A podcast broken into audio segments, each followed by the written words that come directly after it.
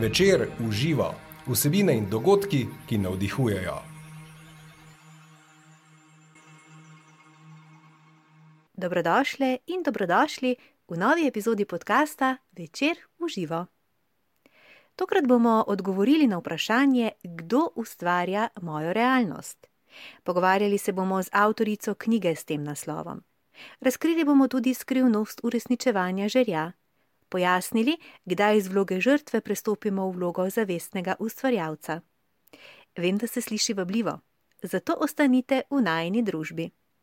Dobrodošla mednarodno priznana duhovna voditeljica, transcendentalna psihoterapeutka in avtorica Asja Širovnik Moškon. Povejte mi, kako ste? Dobro, hvala lepa, hvala na povabilu in zelo lep večer je tukaj pred nami. Dobro sem. Uh, res se obeta, glede na temo, en tak izjemen uh, pogovor, izjemno druženje. Uh, jaz se ga že zelo veselim. In veste, kaj mi najprej povete, če izhajava iz vaše knjige, uh, kdo ustvarja mojo realnost? Kako ste vi kaj zadovoljni s svojo? Hvaležna sem za svojo realnost. Dejansko, več kot zadovoljna sem hvaležna.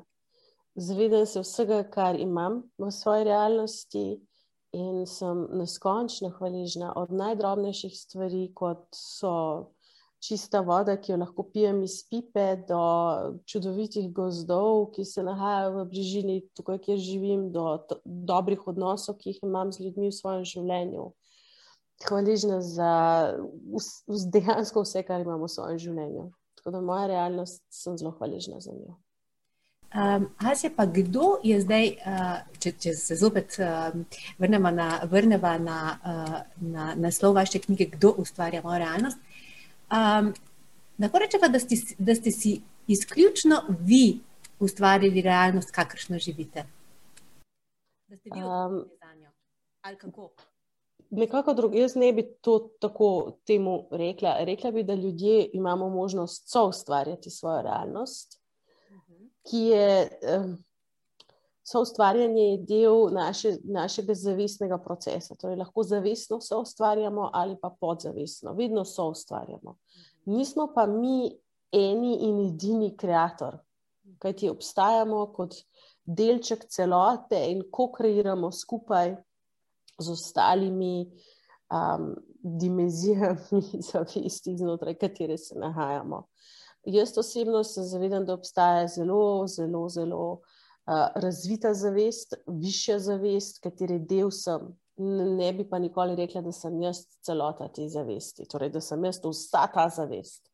Uh, sem pa košček ali pa delček ali pa najmanjši delček te večje, večje, veliko večje zavesti. In bolj, ko se prebujam v svojem zavedanju, kdo sem in česa sem del, uh, bolj zavestno lahko soustvarjam in sodelujem uh, s to višjo zavestjo uh, in komuniciram in razumem in se ne upiram življenju, ampak grem v skladu z silo življenja, ki je vedno v toku in ki vedno želi progres, ki vedno želi napredek, ki vedno nas kliče, da gremo naprej. Tako da, da se ne upirate življenju. Ne? Uh -huh. uh, kaj večina, verjetno, se upira. Um, ja, na nekem nivoju imamo ljudje znotraj sebe naravno inercijo. Imamo, že otrok, otrok, otrok se upre, že otrok reče staršem ne in na ta način gradi svojo voljo. Zdaj, normalno je, da se do neke meje vsak od nas upira življenju. Zato, ker je dosti krat inteligenca, ki vodi to, ta, te življenjske procese, obširnejša, kot jo mi lahko v danem trenutku razumemo ali vidimo. Torej, naravna inercija človeka je na, stva, na, enem, na enem nivoju, da si želi, da se nič ne spremenja, udobno mu je tam, ker se nahaja in ko prihaja do sprememb, se jim upiramo. Po drugi strani je pa bolj, ko postajamo zavedni, bolj, ko se širi naša zavest, bolj, ko se učimo o sebi in o življenju, lažje plujemo skupaj z življenjem, je manj odpora do življenja. Uh, ja, tako da opor, upiranje življenju. Ja. Ja, pardon, kar nadaljujte, sem vas prekinila. Ja, upiranje življenju lahko tudi ustvari znotraj nas blokade ali pa nas drži v ujetništvu določenih situacij. Um, ko to ozavestimo in ko to začnemo osvobajati, postanemo mi bolj pretočni in lažje razumemo, kaj je tisto, kar se dogaja in kaj je tisto, kamor na življenje kliče. In potem je manj upora in, in lažje odreagiramo na življenje in sodelujemo z življenjem. Uh, in ravno to sodelovanje z življenjem, to prebujanje v življenje, uh, zato so mhm. potrebni. Uh, neki posebni momenti, to so proces, neki posebni momenti. Večina ljudi se v življenje prebudi po kakšni traumatični izkušnji, ne? ali je to bolezen, ali je izguba. Vi pa pravite, da ni nujno, da čakamo na to izkušnjo. Je tako? Res je. Ljubezen, uh, bole, ljubezen tudi. Uh, ali ljubezen, ali bolezen, ali traumatična izkušnja, ali pa nenavadna lepa izkušnja. Vsi šoki, ki se nam zgodijo, so lahko ogromno, ogromno darilo, ker nam lahko odprejo vrata in možnost za učenje in rast. Ni pa nujno, da je to edina pot, torej, da moramo čakati ali pa da, nam, da nas življenje pokliče na, na način, ko zaboli, da se začnemo prebujati ali pa zavedati ali pa spraševati globlje vprašanja. Lahko to storimo uh, iz notranje inercije, iz radovednosti, želje po razvijanju, iz. iz iz tistega nekaj znotraj nas, kar sluti in čuti, da je življenje lahko vedno mer več in, in da lahko evoluiramo skozi svoje življenje, se razvijamo, gremo naprej. Tako da ni nujno, da je bolečina bud, edina budnica v našem življenju. Uh, zakaj pa Asija, zakaj um, življenje zaboli? To, so to kakšne povezave z našimi podzavestnimi vzorci, ki jih je potrebno preseči. Ozaveščati. Ja. ja, načeloma, jaz vedno rečem, dokler ne ozavestimo tisto, kar je nezavedno v nas, uh mhm. -huh. nam to vlada in mi temu rečemo usoda. Mi to imenujemo usoda. Uh, ljudje nosimo v sebi ogromno zapisov, ogromno prepričanj, ogromno verovanj, ogromno mehanizmov, ogromno obrambnih mehanizmov, s katerimi reagiramo, tudi kadar nismo v nevarnosti, kot da bi bili v nevarnosti.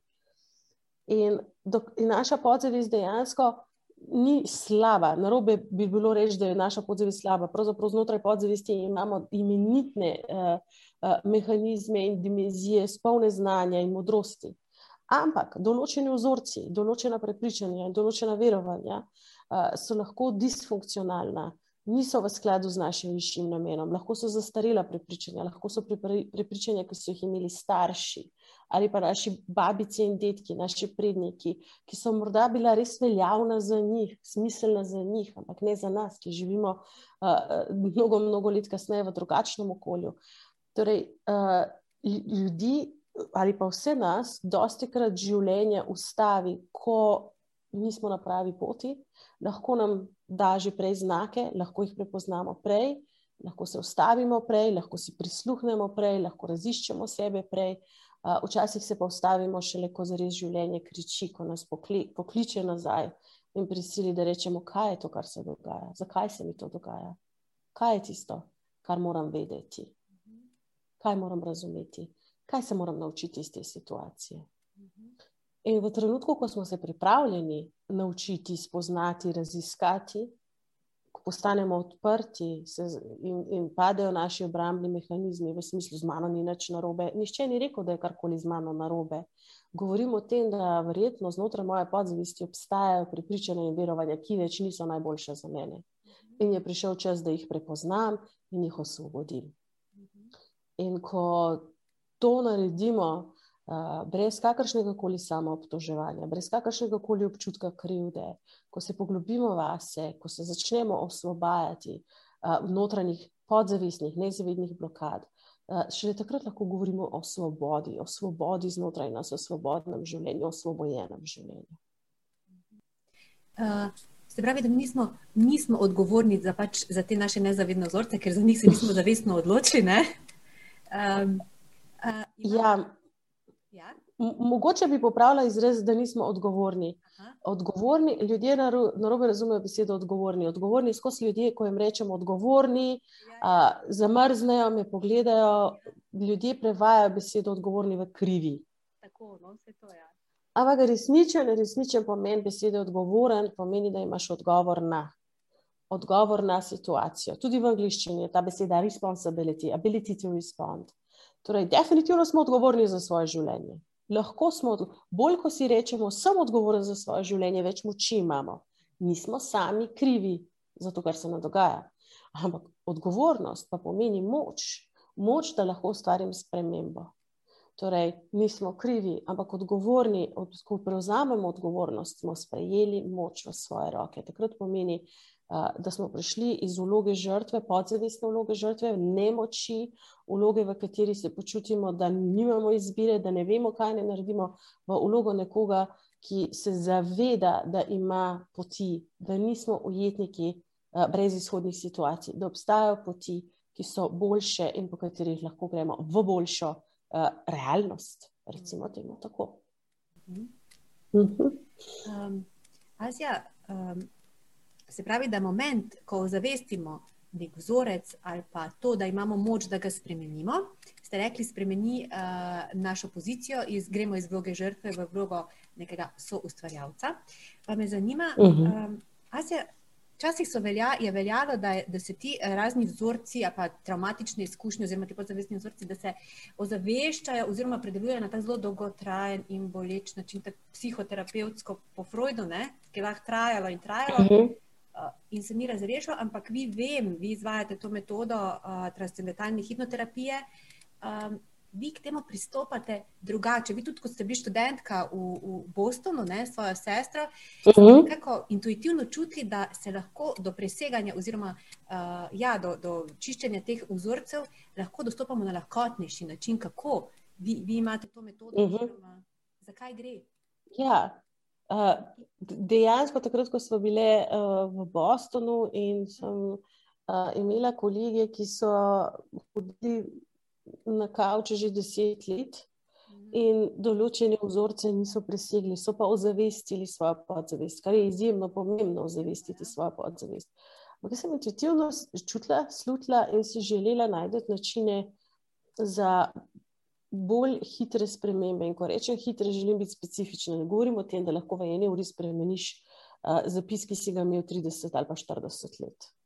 Čeprav se lahko zgodi, da kakšna fobija izgine notačno v eni uri, da imaš fobijo pred globoko vodo zaradi travme, ki se ti je zgodilo v otroštvu. Sem, imam primer, ki se ga živo spomnim, ki ga opisujem v knjigi, ženske, ki se je bala globoke vode, ki ni mogla potovati z avionom, ki ni mogla, oziroma ja, ki ni mogla iti na ladjo, torej ni bila v stanju uh, kamorkoli odideti, ker je bila od spode globoka voda. Ladja, avion, pozabimo na kopanje v bazenu.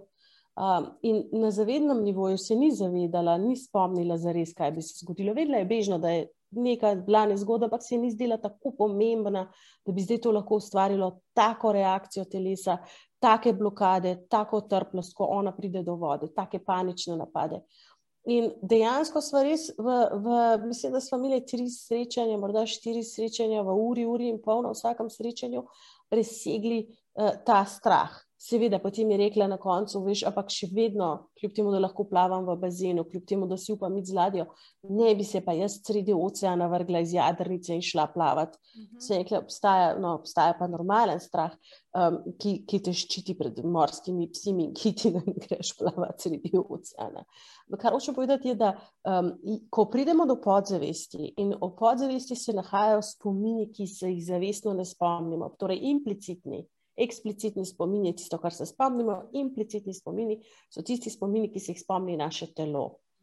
In ko pridemo s pomočjo trans stanja, dobrega, kvalitetnega, uh, celostnega trans stanja, blagodejnega, uh, lahko tudi uporabim izraz vem, zdravilnega, v smislu, da je dober za naš žilčni sistem, da se sprosti, da se sprosti žilčni sistem, parasimpatični žilčni sistem se aktivira pri tem.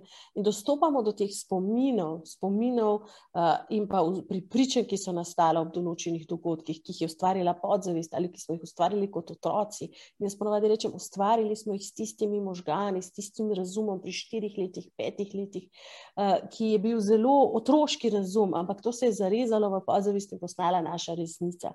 In zdaj nam iz podzavesti ta prepričanja, uh, ti zapisi vladajo. In ko pa dostopamo, in zdaj Stare, stare metode pri mojih kolegih je bilo, da si se ti poskušal do tega dokopati.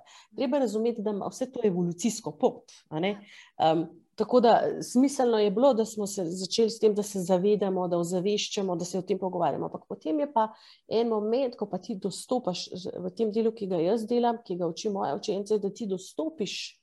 Torej, da dejansko osebi omogočiš, da se iz njene podzavesti izluščijo ti zapisi, ti spomini, občutki, ki so nastali, in osvobajajo se ti občutki, sprosti se tista potlačena čustvena energija, in v ta prostor se zdaj lahko uh, ustvarja um, nova, novo prepričanje, nov odnos, nova interpretacija življenja, odnosa do življenja, odnosa do nas samih.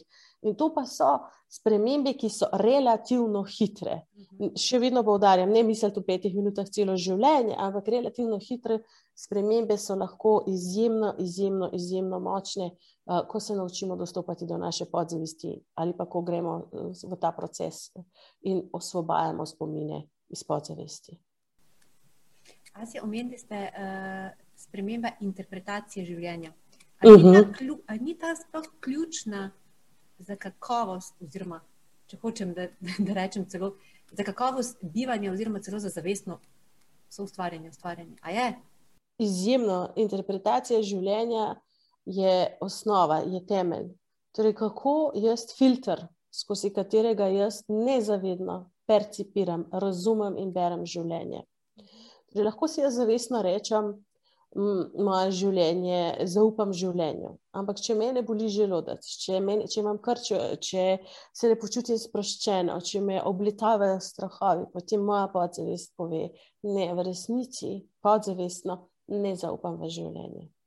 Lahko se zgodi, da je prepričanje življenja, borba življenja, bitka življenja, ni varno, uh, lahko nikoli ne veš, kaj se bo zgodilo, etc. Dosti krat ljudje rečejo: Joj, to je govorila moja mama ali to je govorila moja babica zanimivo, da jaz to znotraj sebe še vedno verjamem, čeprav se zavestno tako trudim in berem knjige in hočem, da je življenje na moji strani.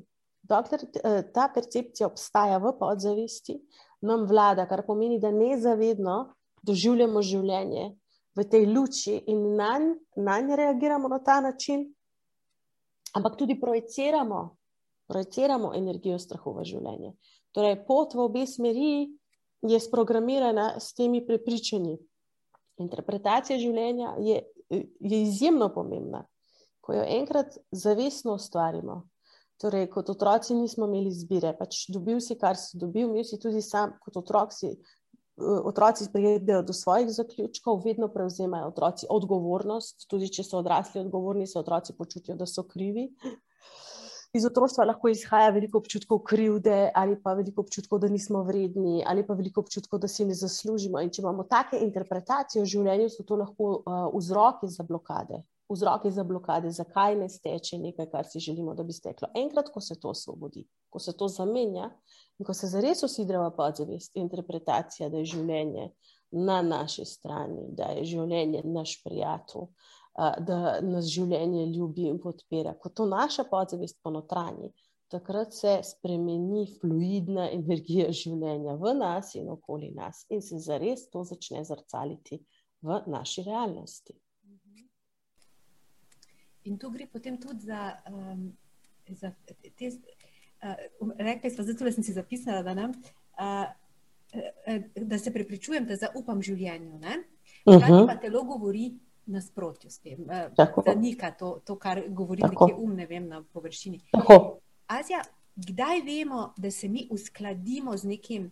Uh, vem, ko smo se mi pogovarjali, ste vi rekli, uh mhm. -huh. kako ste manifestirali oziroma uresničevali življenje, da vi ste si pač zaželeli nekaj, uh, potem ste to zvizualizirali in s tem ste se uskladili. Uh -huh. To pomeni mhm. uskladiti, uh -huh. to telo verjetno sledi tej energiji ali kaj, ne vem. Uh mhm. -huh na nekem nivoju ja, je zelo pomembno, da je telo usklajeno z glavo. Mhm. Ker če si nekaj govorimo in v telesu čutimo odpor, potem nista glava in telo usklajena. Torej, zelo pomembno je uskladiti glavo, srce, želodec, celo telo. In um, najbolj, najbolj pomembno v tem usklajevanju je tudi videti, s čim se usklajujemo, s kom se usklajujemo. Ko govorimo o soustvarjanju, prav, prav uh, pomembno, pomembno je razumeti, da tudi v knjigi pišemo o tem, da na neki točki sem ugotovila, v prvem delu knjige, ko pišem o svojem življenju, da uh, sem si lahko manifestirala marsikaj, ampak sem se na eni točki vprašala, če so te manifestacije oziroma ti uspehi, ki sem jih ustvarjala, bili v skladu z mojim višjim namenom ali pa so bili del neč, nekega družbenega pričakovanja, ki se nahaja okoli mene. Torej, ko ljudje gremo v manifestacijo, ko ljudje gremo v proces ustvarjanja, se moramo vprašati poglavitno vprašanje in sicer, ali je to v skladu z mojim višjim namenom. Ali je to del mojega poslanstva, ali sem zaradi tega tukaj. Ali pa je to pod narekovaj projekcija mojega ega, pripričanje, ki so ga imeli kaj bi moral početi, ali kaj bi moral biti, ali kaj bi moral doseči drugi. Ali to počnem zato, da drugim nekaj dokažem, ali to počnem ravno zato, ker znotraj mene obstaja tista, tista sila, tisto, tista, tista, tista intuicija, tisto znanje, tista modrost, ki se je prišla realizirati v to življenje skozi telo. In ko govorimo o usklajevanju, je najbolj pomembno, da se uskladim s svojim višjim namenom, s namenom, s katerim sem prišla na, v to življenje, na ta svet. To je zelo, zelo pomembno. Ker to je, tisto, to je tisto, kar je ključno in to je tisto, na čemer potem bazira um, tudi notranja moč in tudi motivacija, da živiš svoje življenje. Tudi ko se znajdeš v situacijah, ki so za tebe izziv. Ker če čutiš, da je to tvoj namen, potem tudi počrpaš moč iz središča svojega bitja, da se ta namen izpolni, in takrat se ti tudi odpirajo poti. In se ti tudi dogajajo, pod narekovaj, čudežna, pa niso tako zelo čudežna, na ključja. Zaradi tega, ker si usklajen s svojim višjim namenom. In tvoje telo čuti, da si voden, in je telo je sproščeno, ti si sproščen, in se počutiš varno v tem procesu, tudi če tehnično gledano nisi v najbolj varni situacijah. Ja, se, uh, Asja, kako se pa usklajujemo s tem višjim jazom ali pa z višjim namenom? Torej, prvo ga je treba prepoznati, prvo se je zavedati, potrebno, kje, sem, kje je moj višji jaz in kako prepoznati, da sem v stanju višjega jaza naspram mojem zemeljskem jazu. Ljudje sicer rečejo ego, ja, rečejo ego. Mogoče je še taka lušna beseda v angliščini: ego stoji za edging God out, e edging pomeni spodrivanje God, Boga ven, torej tam sem v mojem jaz, jaz, jaz. Ampak eh, je tudi zemeljska osebnost, to zemna osebnost. Vsi imamo osebnost za to življenje, ne, v, v kateri smo formirani moj višji jaz, oziroma povezovanje s tem resničnim aspektom mene, ali pa če že začnemo, za nekoga je to mogoče preveč visok koncept, kako naj grem do višjega jaza. Ok, dajmo govoriti potem o intuiciji. Dajmo iti prvi korak, intuicija pa notranja modrost. Je vedno ljubeča, vedno nas podpira. Tudi, če nekaj ne delamo prav, nas ne kritizira za kritiko, z grdimi besedami, ampak nas ljubeče usmerja v pravo smer. In tudi, če nekaj naredimo na robe, nikoli ne, ne dobimo občutek, da nas skrega, ampak nam reče, hm, kaj pa tako. Torej, vedno je to ljubeče vodstvo. To je neka osnova, da vem, da je moja intuicija. Ego Zemeljski jaz, ker je znotraj podzavesti ogromno programov, je lahko introjekcija, je lahko glas očeta, glas mamere, mame, matere, uh, učiteljev in je lahko zelo kritičen. Ti tega ne znaš, ti si to naredil na robe, nikoli ti ne bo uspelo. Te stavke, višji jaz, intuicija, notranja modrost nikoli ne izgovori. Torej, če je glas prijazen, uh, nežen, sočuten, ljubeč, takrat govorimo o povezavi z notranjo modrostjo, z intuicijo. Če je glas kritičen, če nas glas straši, če nam glas govori grde stvari v smislu, da nam, da nam daje občutek, da nismo dovolj dobri, to ni naša intuicija in to ni naš višji jaz.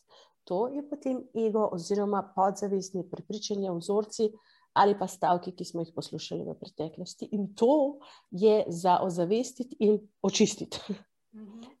Ker te nobena kritika, nobeno kritiziranje, ki ga slišiš v tvojih mislih, ne spodbuja v resnici. Tudi če se ti zdi, da te ta kritični glas prežene iz postelje, zato da greš v službo in ti reče: Zamudil boš, usta. to ni najboljša motivacija. Občutki, ki jih čutiš ob tem glasu, bolečina, živčnost, strah, niso občutki, ki so blagodejni za te, niti za tvoje telo, niti za tvoj uspeh, niti za tvoj odnos do življenja. Torej, to je ta neka osnova, ne? da, da višji jaz je glas ljubezni, glas sočutja, glas modrosti, glas podpore. Um, in da nam je na voljo, da se s tem povežemo. Prvo ga je treba znati prepoznati. V drugem koraku, kar ja, ste me hočeli še vprašati. V, dru, v drugem koraku, kar lahko naredimo, je, da si vzamemo čas, da se poglobimo vase. In ta čas, da se poglobimo vase, je lahko jutranja meditacija, lahko je sprehod v naravi. Predvsem je pomembno, da se naučimo utišati ostale glasove. Jaz imam uh, eno delavnico, tako temeljno, v kateri ljudi učim samo hipnozo. Ravno z namenom, da se naučijo vstopati v svojo notranjo modrost, povezati svojo intuicijo, slišati notranje vodstvo. In prvo, kar se naučimo, je uh, od vseh glasov, ki jih imamo, in ljudje imamo več kot 100 misli na minuto, to je ogromno, ogromno glasov. V tistih glasovih naučimo slišati ta en pomemben glas, glas modrosti, ki morda ni najbolj glasen, ko se ostali utišajo, uh, postane to ena tako fina prisotnost, ki te prežame, pomiri in vodi. Tako da treba si vzeti uh, čas, da se, da se lahko povežemo s tem aspektom, s tem delom sebe, in treba je znati utišati ostale glasove, da lahko slišimo notranji glas modrosti, intuicije in potem, seveda, tudi ko bolj ko izostrimo svojo sposobnost, da slišimo, čutimo in zaznavamo, ker ni samo slišati, ampak je tudi čutiti in zaznavati, potem nam postane lažje in lažje in lažje biti usklajeni s svojim višjim jazom. Jo, krasno. Um, hkrati se mi zdi, da če že slišimo ta glas, če končno uh mhm. -huh. pride do nas, se včasih tudi zgodi, da pa ne zberemo tiste moči, da bi ga realizirali, oziroma da bi mu sledili ker nas, glede na kakšne zunanje okoliščine uh, in, re, in z reakcijo, ki sledi uh, vabilu tega glasu, lahko delujemo noro ali pa nelogično. Vi ste, ko smo se pogovarjali, imeli en tako, men tako slikovito izkušnjo, v, ko ste prišli v Rim in ste iskali uh, sobo. Ne? Stanovanje. Stanovanje, stanovanje. Ja. In kako se vam je to manifestiralo? O, in, uh, Ja, in je bilo tako, da sem, uh, ko sem prišla v Rim, sem prišla sredi semestra, mhm. kar pomeni, da sem prišla januarja in septembra se oddajo vsa stanovanja. Rim, Rim je res kompleksen, oziroma mi smo res bili v centru, Trastevere je bila fakulteta, izkosi nekaj v tej coni. In skoraj ne mogoče je bilo dobiti dobro, lepo stanovanje za normalen denar, oziroma ni jih bilo, nobenih, niti slabih za nenormalen denar, tako da ni bilo. In jaz sem bila pri prijatelju, ki ga sem poznala še iz Madrida, ki je sicer sicilijanc, kar so zelo tradicionalni. Tam se ne moreš glih. Mislim, čudno se gleda, če se ženska kar usil noter, uh, pa sta samo pariatla, a ne pač tradicionalni, pa so bili pa še, hvala Bogu, še dva ali tri, ne, tri američani so bili, ki so bili bolj progresivni v smislu, it's ok, chill out. Ampak vsak večer smo naredili večerjo, sedeli za mizo in smo imeli debate o tem, kako je ne mogoče dobiti stanovanje. In oni so bili še tako realistični, da so mi dali podatke, statistike, da to ne gre, to je to. In um, bolj ko smo se, bolj ko smo probali nasilje, bolj ko smo probali. Uh, z racijom bolje delovalo, mislim, res najbolj črn scenarij, da ostanem do konca semestra pri njih. Kar je bila tudi za mene nočna mora, ker nisem imela nobenega privacyja, uh, pač nisem si tudi jaz želela deliti uh, stanovanje z. Želela sem imeti svoj mir in eventualno biti kako punco, s katero se razumeva in tako naprej. No, in potem se spomnim, da sem jaz v nekem trenutku, res v nekem trenutku, uh, začutila znotraj sebe tisto tisti moment, ko mi je nek mir me prešel in tisti moment, v katerem sem rekla, okay, na ta način več ne gre. Neko notranje vodstvo, ki je reklo: pest. In ne tako le praskati po površini, vi ste na površini. Ta, ta vaša racionalnost je po, površina. Vsak od njih, moram priznati, vsak od njih je sprašval, hodil na agencije, dali so si cilje. To je bil prav tak en princip. Gremo s številkami in gremo, koliko ljudi poznamo, in probability so zračunali, in še kar ni bilo.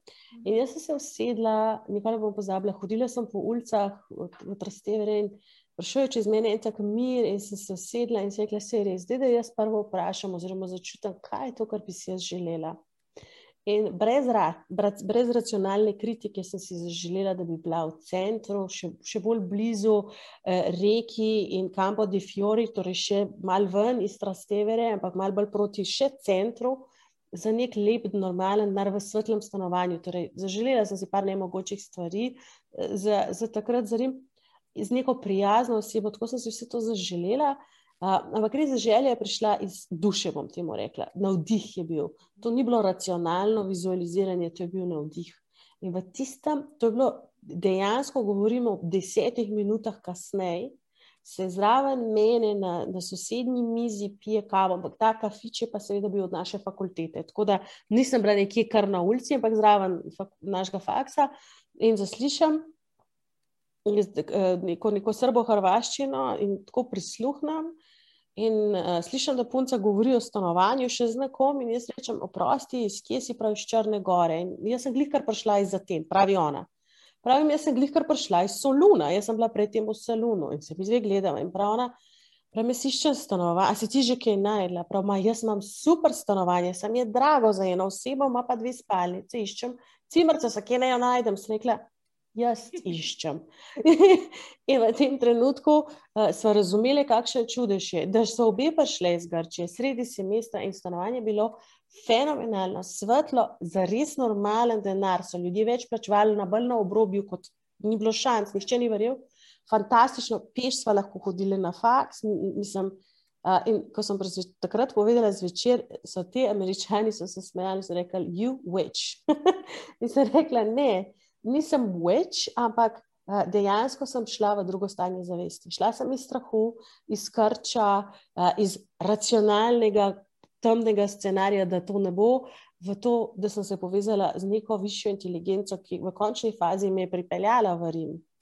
Uh, in ta navdih, in tisto, kar me vodi, me še nikoli ni pustilo na cedilu. In dejstvo je, in morda te zgodbe z mojimi potovanji in stanovanji, se povezujejo s korensko čakro, uh, osnovo maslove piramide, s preživetjem. Ne prideš nekam in prvo moraš imeti streho nad glavo. Pravzaprav vsakeč znova štartaš iz tega, da si homeless, nisi zdaj na cesti, ampak nimaš strehe nad glavo. In torej uh, v teh uh, selitvah, ki jih ni bilo malo, sem vsakeč znova morala iti nazaj na to osnovno piramido, da si najdem streho nad glavo. Kar vem, da mnogo ljudi teh izkušenj ni imelo, ker so študirali doma, pa so prišli domov. Pa. Jaz sem pa imela te izkušnje. In kaj sem se naučila iz njih, je bil odnos do življenja. Naučila sem se, kdaj in kako se nasloniti na življenje, kdaj prisluhniti, kdaj se povezati, kako slediti to intuicijo in to vodstvo, in kako potem poskrbeti, oziroma se uskladiti, da dobim najlepše, ne samo da dobim streho nad glavo, ampak najlepšo možnost, ki je najbolj v skladu s tem, kar meni veliko pomeni. To, to je za me to vedno bilo, da mora biti lepo stanovanje za normalen denar. kar je vedno bila izziv, ker sem živela v takih mestih kot so vem, Rim, San Francisco, Madrid. To niso uh, lahka mesta za, za, za, za ta. Jaz temu rečem, da je to bil trening trening tega, da se naučim fundamentalnega odnosa do življenja, ko pride do osnov, kot je streha nad glavo, uh, kot je postavljanje življenja na noge. Na vsakem faksu sem na novo ustvarila družbo, na novo ustvarila odnos s profesorji, na novo doka morala dokazati, da uh, sem inteligentna, da morala sem prenašati ocene. Imajo zakon, da če imaš nad devet, lahko preneseš ocene, torej visok standard dosegati, hkrati pa biti dovolj sproščen, da vsem tem procesu zaupaš in da ne izgubiš, uh, uh, da ne rataš paničen. Torej, življenje me je treniralo, da dobim zaupanje na podlagi izkušenj. In danes vedno rečem, poznam življenje. I know life, rečem, imam izkušnje z življenjem. Vem, kako deluje, ker sem jaz šla skozi te procese. In jaz sem na eni točki mislila, da okay, to deluje za mene tako, ker sem jaz pač to in, intuitivno. Potem, kasneje, ko sem delala kot terapeut, sem ugotavljala, da ljudje pravzaprav zraven tega, da imajo težave, morajo, ne morajo, ampak nimajo tistega pravega odnosa do življenja, oziroma da mnogo ljudi ne zaupa, podzavestno v življenje. In tudi program, ki ga imam, prvi, ki je mal daljši program, prvo, kar delamo, je odnos do življenja podzavesten odnos do življenja, ker to je fundamentalno, to je tako pomembno. In cel svet nas pa proba prepričati, da nismo varni. Ne? To je ta racija, tako kot tisti moji kolegi, um, ki pač, ampak ko ti se res povežeš, jaz temu rečem, skozi korensko čakro, skozi, torej, skozi kor korenine, ko spustiš v zemljo, ko razumeš, hej, tukaj je moj dom, na tem planetu, varna sem, življenje me hoče, pripadam in sem usklajena s to silo, ki me vodi. In, za, in, se, in ne samo, da se jaz znajdem, ampak skrbi za mene ta neka višja inteligenca.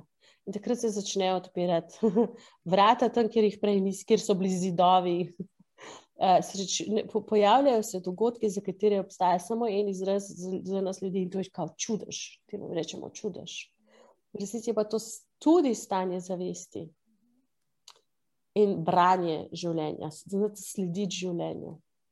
In to se je potem, kasneje, pri meni vedno prelivalo tudi v druge stvari, pač kot študentki, pri teh eksistencialnih uh, stvarih, kot je bilo urediti svoje eksistencialne vprašanje, stanovanje, uh, upisi, prenosi kreditov. Mislim, za mene je vsaka država bila neke vrste nov, nova bitka, nova borba, ne v smislu, da se moram boriti, ampak ni mi bilo nič dano, ko ljudje mislijo, wow, kako je bilo super. Ne vem, koliko ljudi bi ta tempo zdržalo ker je bil zelo zahteven. Ni bilo chill out, pa ni bilo relax, pa lay back. Bilo je think, razmišljaj, razmišljaj, razmišljaj.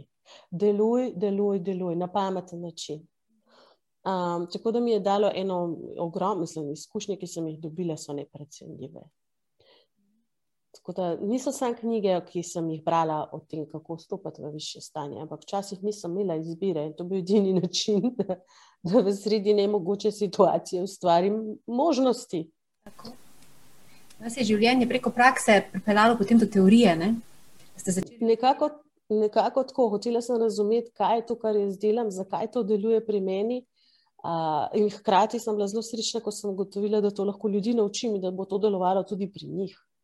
Da nisem izbrana ali pa da imam nek čuden talent, ki ga imam samo jaz, drugi pa. No, no, no, no. To so zakoni življenja in delujejo za vsakega, ki jih je pripravljen sprejeti in se jih uh, odpreti, naučiti, sem hotel reči. Vi, vi pravite, ne, da ste vi bili in ostajate še vedno svoja prva klientka, vse testirate, ne, tudi na sebi. Dejstvo je, jaz sem si že pred 20 leti rekla, nikoli ne bi želela predavati nekaj, kar sem prebrala. Uh, znanje, ki ga podajam ali ga bom podajala, mora biti znanje, katerega, do katerega sem prišla osebno, skozi lastne izkušnje in mora biti na podlagi izkušenj kajti to potem postane avtentično in ljudje začutijo, da je to tvoja izkušnja, ali pa ko recimo danes govorim ne samo o svoji izkušnji, ampak o svojih klientih, ko, ko potem, ko veš, govori z gotovostjo. Tako da uh, dejstvo je, da je uh, zelo pomembno tudi to, da imaš izkušnje v tem, kar delaš, da si svoj prvi klient, da delaš na sebi. Jaz tudi učim učence na šoli in vedno rečem, če hočete biti, vam povem skrivnost, da radite najboljši terapeuti. In vsi mislijo, wow, da je povedala nam bo skrivnost in rečem, delo na sebi. Nikoli ne nehite delati na sebi, vedno, vedno delaš na sebi. Uh, jaz delam na sebi 23 let aktivno, res zavestno. Uh, in nameravam delati, dokler bom kognitivno sposobna. In ko kar vidim, kakšne starejše mentorje, ki so stari 80 let, pa še kar delajo na sebi, postaja mi jasno, da bolj ko delaš na sebi, bolj močna je tvoja kognicija in da te lahko čaka prijetna pot tudi v prihodnost. To mi je zelo pomembno, delo na sebi, biti svoj te, uh, klient. Uh, tudi sprobati različne, govorim zase, um, nove, če zvem, da je nekje nek nov pristop, nova, nova uh, tehnika. Uh, ne bom rekla, da zdaj čisto letam, da nisem zdaj spiritual shopper, da nisem nekodom shopping za spiritualo, ampak ko pa ugotovim, da je neka dobra metodologija uh, ali pa da jo odkrijem, potem se pa absolutno odprta in grem in, in, in to se naučim ali to sprobam definitivno na sebi. Uh, Um, in tako kot sem rekla, terapeut gre lahko tako daleč s klientom, kot je šel sam pri sebi. In to je zelo pomembno, da, da delaš na sebi in da se ne bojiš delati na sebi. Nujno. In tudi uh, ja. prav je, rekli ste, sicer, da, da probujete več tehnik, ampak uh, prav je, ker vsak, vsak mu pa še nekaj, da, da se ne držimo kot pijan splota nečesa, česar ne čutimo, kar ne moramo ponotranjiti. Ne? In recimo ravno pri tej vaši um, trans, transcendentalni, to se mi vedno jezik lomi, trans, transcendentalni uh -huh. uh, hipnoterapiji, gre v bistvu za konglomerat oziroma za kombinatoriko večjih pristopov. Večjih pristopov. Tako, večjih pristopov, ki jih prilagajam. Uh, zelo pomembno je, da uh, ne probamo klienta stisniti noter v tisti okvirček, ki ga imamo teoretsko, ali pa tisto naš, naš pristop. -huh. torej, če imam deset različnih pristopov in jih prilagodim trenutni potrebi klienta, to da meni širino, njemu pa občutek, da ga zares čutim in da sem z njim. Torej, ne da jaz njega tlačem v svoj sistem, ampak da jaz njega čutim, razumem in včasih potrebuje. Uh, ne vem, hipnoanalizo, včasih potrebuje uh, hipnotični gestalt, kar pomeni, da dejansko doživlja pogovor starši v otroštvu ali tiste neizgovorjene besede, grejo ven iz njega ali grejo čustva ven iz njega. Včasih potrebuje vračanje, oziroma zdaj kombinirano tudi compassionate inquiry, mi temu rečemo initial sensitizing event, da gremo nazaj v preteklost, da uživimo spomine in osvobajamo uh, prepričanja, ki so nastala ob tistih spominih, ali pa čustva, ki so nastala, ali pa interpretacijo o sebi in o življenju, ki je nastala.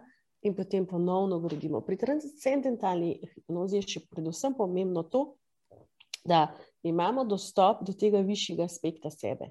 Torej, da kljub temu, da veliko tehnik ali pa pristopov so, mi temu rečemo, klinična hipnoterapija, v smislu, da delamo s tradicionalnimi, tradicionalnimi 3D, jaz se hecam 3D, uh, pristopi, transcendentalno pomeni nad, je pa, da se povežeš istočasno z višjim stanjem zavesti in da lahko doživi nekdo, da v srečanju z notranjim otrokom se pojavi, ne vem, duhovna vodnica in naredi celjenje.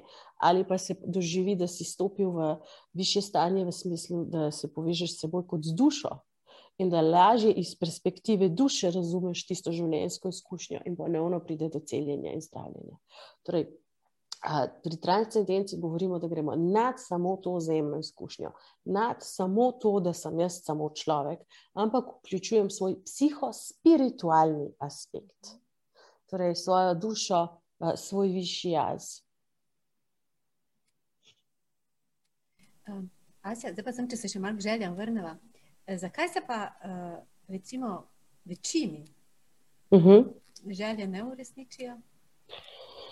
To smo, to smo, ja, to smo se že malo dotikali tega v enem pogovoru. Ljudje imamo torej dva, dve velike, dve, dva, dva velika bloka. Sta. Prvi je, da je možno, a, da, se, da nismo v pravem stanju zavesti, torej, da smo v strahu, da smo v krču, tako kot takrat mi v Rimu, ko sem jaz sedela pri teh večerjah in it was doom and gloom, samo temni scenariji. to je bilo res, nisem ni čudno, da nismo mogli najti stanovanja iz tistega stanja zavesti. Še Einstein je rekel, na nivoju, na katerem nastane problem, samo na višjem nivoju zavesti ga lahko razrešiš. Um, torej, lahko je, da smo v krču. To pomeni, da prvo moramo se ukvarjati s temi čustvi. Ugotoviti, kaj nam pogovorijo, in ponovadi so čustva strahu, ki jih je treba razreševati. Drugo je lahko siljenje k rezultatom, ki je spet posledica teh strahov, teh krčev, da imamo hitro najti, tako zdaj le moramo najti, budi se nam. Jaz vem, da sem rekla pri večerji, da imamo se znajti, da jaz ne želim biti kledo poletja. to je bila moja motivacija. Torej, jaz nočem, nisem šla iskaj hočem, ampak iskaj nočem. Uh, in to je lahko zelo velikrat blokada, ker grem nočem, nočem tega. Well, kaj hočem, kaj pa bi namesto tega rada imela. A, in takrat se mi je šift zgodil. A, drugo, kar je pa pomembno a, razumeva, razumeti, predvsem, vsi sem verjetno še karkoli spustila, zakaj ne, zakaj se ne zgodi. Te blokade, verjetno čustvene blokade, strahovi, siljenje k rezultatom, nismo v pravem stanju zavesti. Aha, tole ne, ne smem izpustiti. Ali pa da želja ni naša. Torej, da si želimo nekaj, kar so nas drugi pripričali, da bi si mi morali želeti. In takrat se ti tudi lahko zgodi, da se ti to ne izpolnjuje, ker tvoj resnični jaz tega noče. Ti pa misliš, da to hoče. In takrat je zelo pomembno razdeliti, ali si jaz na svoji podzavesti to pravzaprav zares želim. Ne? Ali pa ima moja podzavest kakšen razlog, zakaj se meni to ne izpolni. Zakaj? In potem ta tretji, ta, ta del, je pa usoda. In to v smislu, kot sem včeraj uh, omenila, da, uh, da sem, ja, ko smo se pogovarjali, da sem parkrat v življenju videla, da je nekdo nekaj zelo želel, pa je naredil vse prav, Aha. pa se to ni zgodilo, in potem je izpadlo, da to ni bilo usvojeno. In sem dala primer tistega mojega uh, kolega, uh mhm. -huh. francoza, ki je, mi smo takrat bili v filmski industriji, vsi, jaz sem šla na Novo Zelandijo. Uh, in uh, jaz sem bila na filmski akademiji, takrat sem se še učila, torej nisem še bila uh, noter v teh vodah, da sem kasneje sem postala menedžerka, pa delala v producentstvu in tako naprej. Ampak takrat ne še. On pa je že delal vem, na full hudih filmih, na zadnje je delal na Da Vinci Kodi, zdaj bo vsi lahko zračunali, kdaj sem šla v Zelandijo. in potem uh, je prišel v Zelandijo in se mu ni, in kaj to pomeni v filmskem svetu, kad delaš na takih filmih, takoj dobiš službo, kjerkoli, ker se ve, ker se ve, da si top, ker ne dobijo ljudje kar tako noter v takih krujih. Uh, dela. In on je bil prav pri, uh, pri lighting, ne, pri speljučeh, in to je, to je sploh težko iskati. Pa francozi so zelo cenjeni, torej bil je v smetani In na Novi Zelandiji ali so nehali produkcijo, neko holivudsko, pa jih čez pol leta pride, ali tili niso rabili, ni, ni, ni, ni, ni in dobijo. In pravzaprav ni imel nobene spet racionalne razlage. Ne. Glih on bi moral dobiti, glih, vsi so mu rekli, Jezus, če bi zdaj bila produkcija, bi se stepali za tebe, ampak jo ni. In on se spakira, da gre nazaj v Pariz, da se bo vrnil pa spet, ampak ko zdaj pa grem nazaj v Pariz. In mi smo leteli, takrat se je letel Pariz, Cathay, Air Cathay, čez, čez Hongkong. Mhm. In on gre čez Hongkong in reče: Veš kaj, grem če še do Bežinga, grem, grem v Peking še mal. Gremo malo videti Kitajsko, blazno mu je bilo všeč Kitajska in bom, sreča Kitajko se zaljubi vanjo, poroči, njemu je bilo usvojeno. Ja. Hvala Bogu, da ni dobil službe na Zelandiji. Njegova usoda je bila ta punca, s katero sta se poročila in imela otroke. Torej, včasih se nam pa nekaj ne zgodi, ker ima univerzum, višji jaz, ve, pozna našo usodo, našo pot, naš višji namen in reče: Glej. In tudi takrat pomaga. Jaz se spomnim, da je on prišel do spoznanja, da mora iti. Miren je bil. In rekel: Glej, smo vsi rekli, da imaš prav, pet, pet. Ampak. Obstajajo mehki znaki v življenju. Oseba, ki ga je pelala na letališče, so šla jaz, pa en parijato, ki je bil Kitajc. Nikoli ne bom pozabila. Od vseh kolegov je bil glih ta in je rekel, da bom jaz spel. Kitajci je bil. In smo mi dva šla, so se nazaj vozila in se rekla, jaz imam tak en čuden občutek, tak dober, lep, ampak čuden. Rekel, jaz tudi.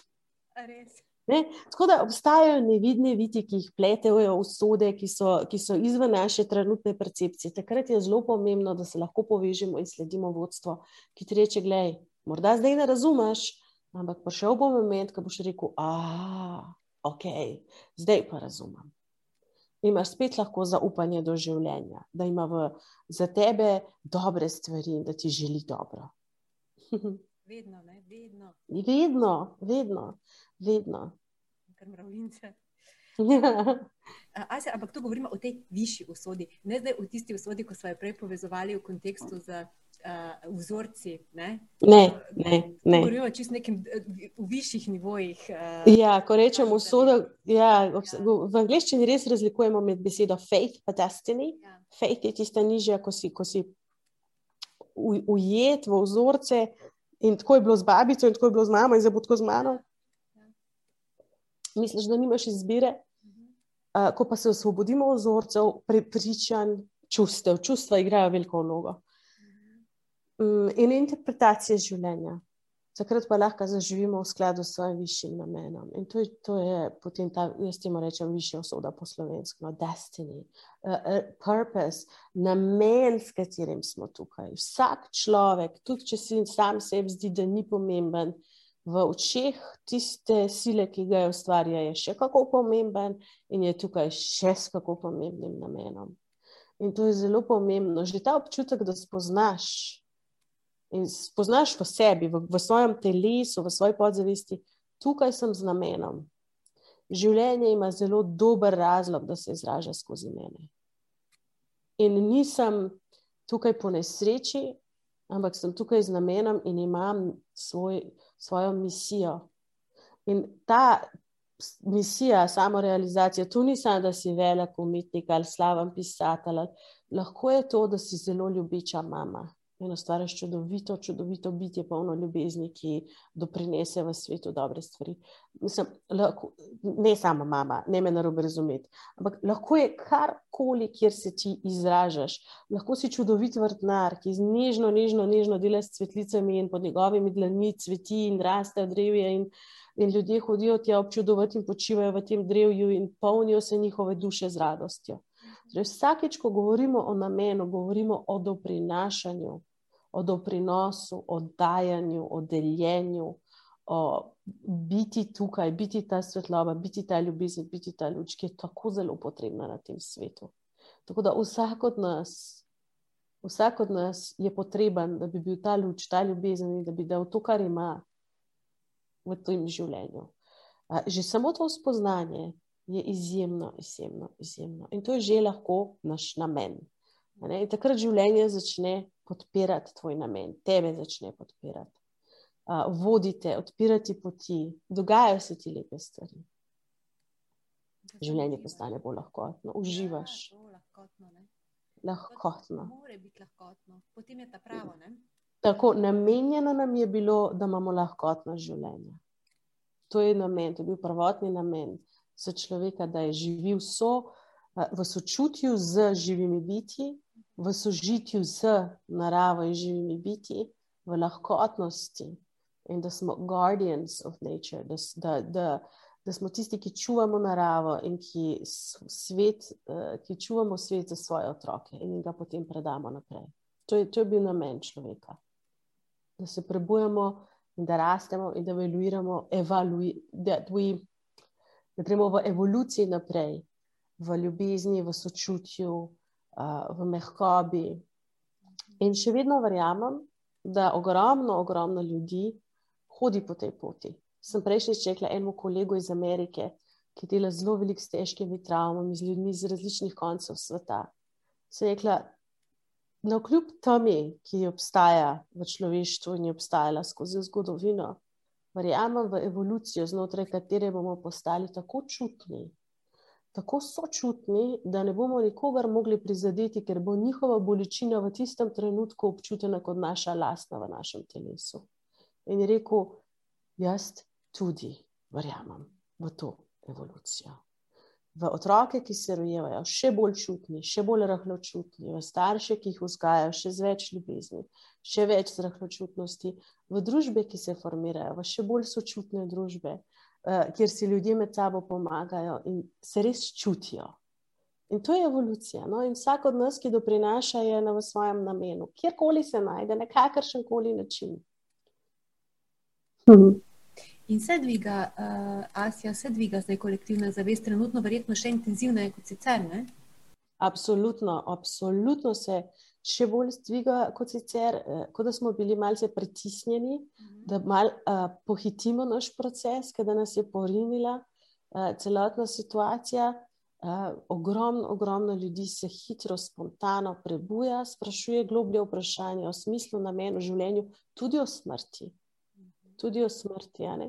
Tudi se razmišljamo o tem, kdo sem, odkot prihajam, kam grem po tem življenju.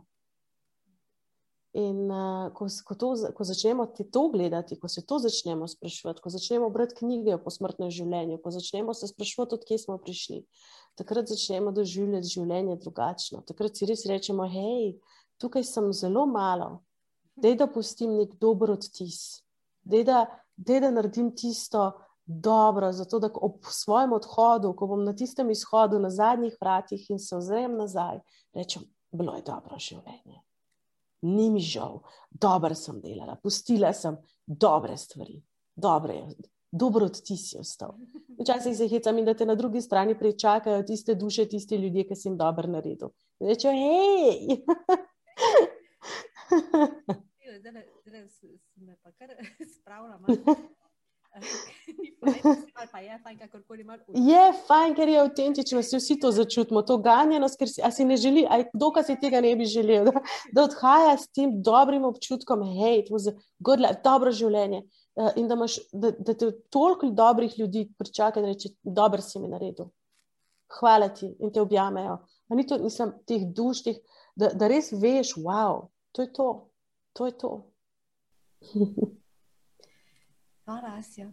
Asja, da je še zdaj sam eh, se dotakniti, um, ker smo že ravno govorili, zdaj, da se pač kolektivna zavest uh, prebuja intenzivneje, kot se je nekateri pravijo v celotnem človeštvu. Uh, je zdaj to obdobje odločilno. Uh, pa me zanima tudi povezave s tem, da ne more mimo uh, tako imenovane, to smo se tudi včeraj že pogovarjali, uh, pete dimenzije oziroma kvantnega polja enosti. Uh -huh. uh, če lahko malo pojasniva ta koncept, oziroma kaj je to polje, kako mi delujemo iz njega, kdaj vemo, da delujemo. Vse smo že nanizali, zdaj le skozi uh -huh. pogovor, je bilo jasno, ampak vse eno malo, da uh -huh. konkretno, eksplicitno malo o tem, uh, uh -huh. tem nivoju. Oziroma, tem, torej, to, to ni samo više stanje zavesti, torej ni to samo nekaj, kar se dogaja v naši glavi. Uh -huh. Torej, ni samo, da se mi počutimo. Eh, bolj polni svetlobe, ali bolj sočutne, ali bolj ljubeče, ali da se mi počutimo bolj povezane z naravo, z otroci, z ljudmi, da smo bolj. Vse to je. Ampak hkrati se ta uh, peta dimenzija odraža tudi v zunanjem svetu, ki nas obdaja. In ta, to odražanje v zunanjem svetu naenkrat začne uh, ustvarjati, oziroma prvo, kar zaznamo, je, da je svet okoli nas živ ko da izstopimo ven iz tretje dimenzije, ki je, uh, kako so že imeli, da universe is one big machine, ker je ena velika mašina, tudi tako nekako so interpretirali nekoč, ne, da je to vse neka velika ura, tik tak mašina, ne, kolesje, ah, there you go, kolesje bi po slovenski lahko rekla, ne, del kolesja, uh.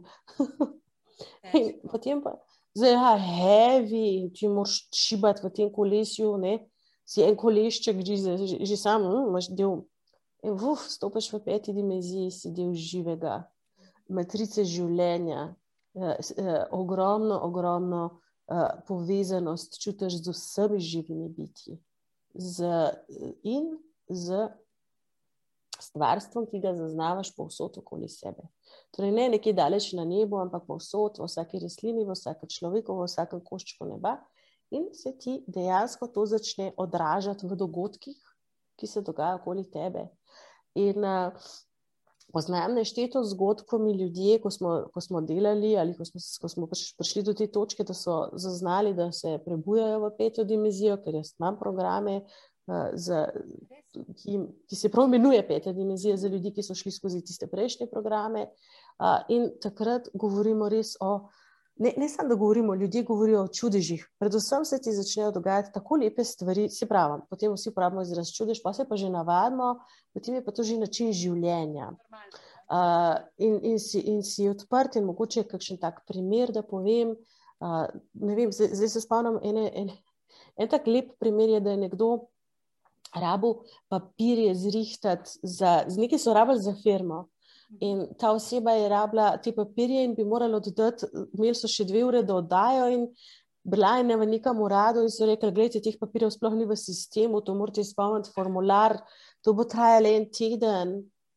In je ona rekla: Ne bomo enega tedna izgubili, bomo ne vem, nek razpis, ne vem, kaj bomo vse izgubili. Namesto da je padlo strah in paniko, je globoko zajela sapo in rekla, kako nas je že Asi učila. Aha, vi tukaj zgoraj, vi tukaj okoli mene, biti jaz svetlobe ljubezni, čudež. In v tem trenutku je uradniku dejansko začelo printati papir, ki ga je rabo. In človek je prebledel, držuje papir in je rekel: To je ta papir. In je ona rekla: Najlepša hvala, krasno izvrstno. Kot da je normalno.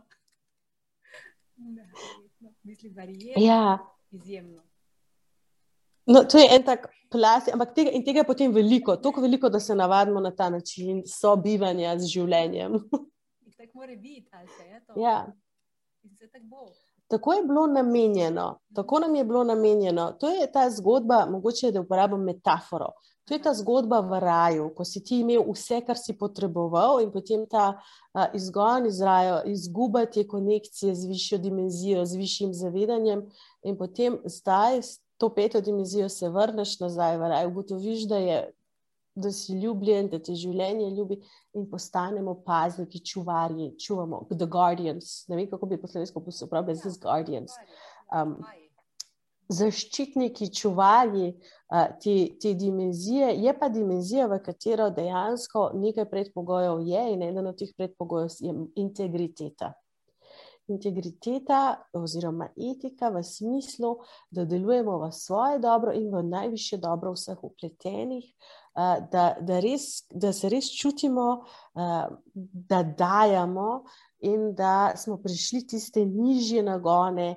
V katerih uh, smo delovali iz strahu in smo mislili, da se moramo za nekaj pogrebsti ali pa ukraditi. Pa, tukaj je pa ne, tukaj pa gledamo, kako lahko dam, kako lahko pomagam. Uh, čutimo roko, ki jo držimo, čutimo, da smo eno z osebo. In to, in zato se reče polje enosti. Ne samo, da je, da je vse možno v tem polju, ampak vsi smo eno v tem polju. In to je ta visoka stopnja evolucije. In zna biti, ker je bilo napovedano v mnogih napovedih, da bo človeštvo doseglo to stopnjo evolucije, da ravno zdaj kolektivno, pač, pač po mnogih, mnogih napovedih, uh, naj bi bili zdaj v tem procesu. Tako da lahko tudi vsako izkušnjo, ki jo imamo, doživimo kot potiskanje življenja uh, v to smer, kjer se lahko prebudimo, povežemo z višjim vodstvom in utemeljimo občutek varnosti v sebi in v svojem življenju da nismo sami in da nas je veliko na tej poti, po kateri gremo, da skupaj hodimo po tej poti. Ja. E, vedno, me, vedno me ta asociacija, mislim, se spomnim ta. Um, Na, ko govorimo o peti dimenziji, oziroma o kvantnem polju, na uh, to svetopisansko, kakor nebesih. Tako. Kakor zgoraj, kakor zgoraj, tako spodaj. Tako. In, in ta povezanost s to višjo dimenzijo, it is not I, but my father that does these works aj moj ego zgine in samo ta višja, višja zavest deluje skozi mene. To je pa zavest ljubezni, sočutja. To je zdravilna zavest, to je zavest čudežev. In tu, tukaj se zdaj nahajamo. Ja, veseli. ja. Lahko smo res, res hvaležni. Včasih vem, da se zdi nekomu, nekdo je rekel celo, da smo v porodnih krčih. Da da se rojevamo, da gremo skozi ta tunel, a, in potem drugim ljudem lahko dajemo roko, ko sami grejo skozi ta tunel in pomagamo iti skozi ta proces. Um, Asja. Najlepša hvala uh -huh. za zelo, zelo lep pogovor, za vso to svetlobo. Ampak, predno se še čisto res posloviva, vsake, jaz vsakega svojega gosta vprašam, uh, tudi uh, na koncu, ker uh, uh, moto ali pa sloga naših podkastov je vsebine in dogodki, ki navdihujejo. Pa če da vam počrtal, kaj vas navdihuje? Imate petletnega sineka, ne? Uh mhm, -huh, navdihuje me njegova sreča. Navdihuje me, ko gledam otroke, ki tečejo, upijajo, skačejo, kričijo in so srečni in vidijo čudež čisto v vsakem svetu, v storžu, travici. Navdihuje me, sončen dan in dobri ljudje. Navdihuje me to, da imamo tako lepo, lepo, lepo naravo. In da, smo, da nas je veliko, navdihuje me dobri ljudje in spoznanje, da je veliko več dobrih ljudi in da nas je vse več, ki se prebujamo v dobroto in sočutje. To je moj navdih, vera v človeka. Asja Širovnik Moškon, najlepša hvala za izjemno družbo. Hvala tudi vam, Maja. Najlepša hvala. Več informacij o podcastih in dogodkih večer v živo najdete na trikratvojnivevecr.com poševnica v živo in na facebook strani večer v živo. Z vami sem bila Maja Furman, srčno in srečno, dok malu.